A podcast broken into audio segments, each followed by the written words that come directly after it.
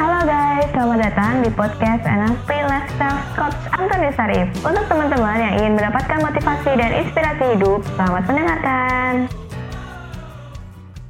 Malam, jumpa lagi bersama saya Antoni Sarif. Hari ini saya berada di Bali dan hari ini saya akan berbicara mengenai 5 tips mengatasi orang terdekat yang berpikir negatif.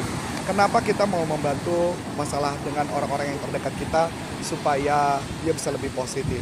Karena karena orang yang terdekat kita dia negatif, maka kita akan ngobrol sama dia akan mengalami kesulitan. Betul? Nah, apa tipsnya? Nah, saya akan buka 5 tips bagaimana untuk mengatasi mereka untuk menjadi lebih positif. Tapi sebelumnya saya mau kasih gambaran dulu kenapa mereka seperti itu, teman-teman.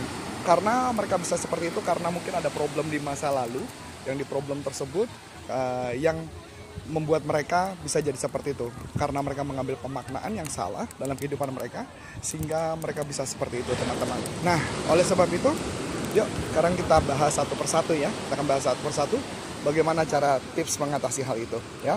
Yang pertama tipsnya adalah ketika orang yang anda cintai dia seperti itu maka anda berikan space berikan jarak jangan terlalu dideketin. Karena kalau dideketin emosinya lagi masih labil. Karena di otak kita ada yang namanya uh, reptil area. Reptil area berfungsi untuk fight dan flight mekanisme jadi kalau kita begitu seperti itu maka dia akan emosinya akan makin tinggi. Yang kedua setelah uh, berikan space yang kedua adalah kita menggunakan teknik meta model kita menggunakan teknik meta model kita bisa bertanya kita ambil contoh. Misalnya contoh dia misalnya uh, merasa down karena orang yang dekat sama dia uh, teman-teman dekatnya dia sekarang sudah tidak ngajak jalan-jalan lagi.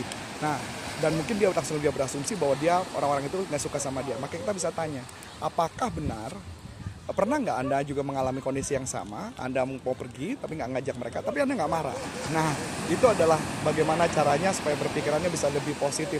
Ya, karena mungkin aja bisa jadi dia akan menjawab pernah sih saya pernah kayak begitu Nah, berarti kalau kamu pernah kayak begitu, bukan berarti bahwa mereka akan nggak suka sama kamu kan? Nah, itu. Yang kedua, yang ketiga, kita bisa juga dengan memahami apa yang mereka, uh, kenapa mereka mempunyai makna negatif, kenapa cepat sekali mem mempunyai makna negatif.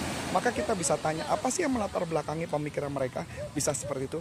Kita bisa tanya sama mereka apa yang melatar belakangi mereka seperti itu.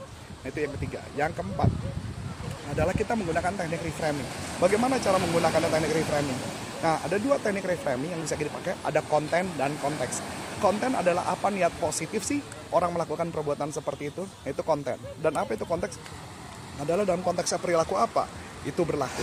Nah, nanti Anda bisa baca tulisan saya, di sana akan informasinya jauh lebih jelas ya. Dan yang kelima, kita mengatasi dengan uh, mengatasi dengan meta program different. Nah di otak manusia ada yang namanya meta program different. Jadi kalau different ketika kita berbicara sama dia, ketika kita bicara A, dia akan menjawabnya B. Kalau kita menjawabnya B, dia bisa menjawabnya C. Oleh sebab itu, kalau Anda mau mengarahkan dia, maka Anda menggunakan teknik meta program different. Caranya gimana?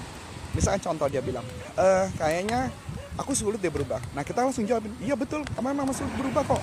Gak usah, gak usah berubah, ngapain berubah? Nah lucunya kalau kita pakai teknik different itu, maka yang terjadi dia akan sebaliknya. Dia akan berusaha untuk menjadi lebih positif. Dan lucunya dia akan mau berubah. So itu aja tips dari saya. So silakan selamat Anda membaca tulisan saya untuk mendapatkan banyak-banyak informasi yang lebih menarik. Oke? Okay? Saya Antoni Sari mengucapkan terima kasih. Sampai jumpa. Salam performance. Bye-bye. Nah, untuk teman-teman yang sudah menerangkan, terima kasih ya. Dan nantikan podcast selanjutnya.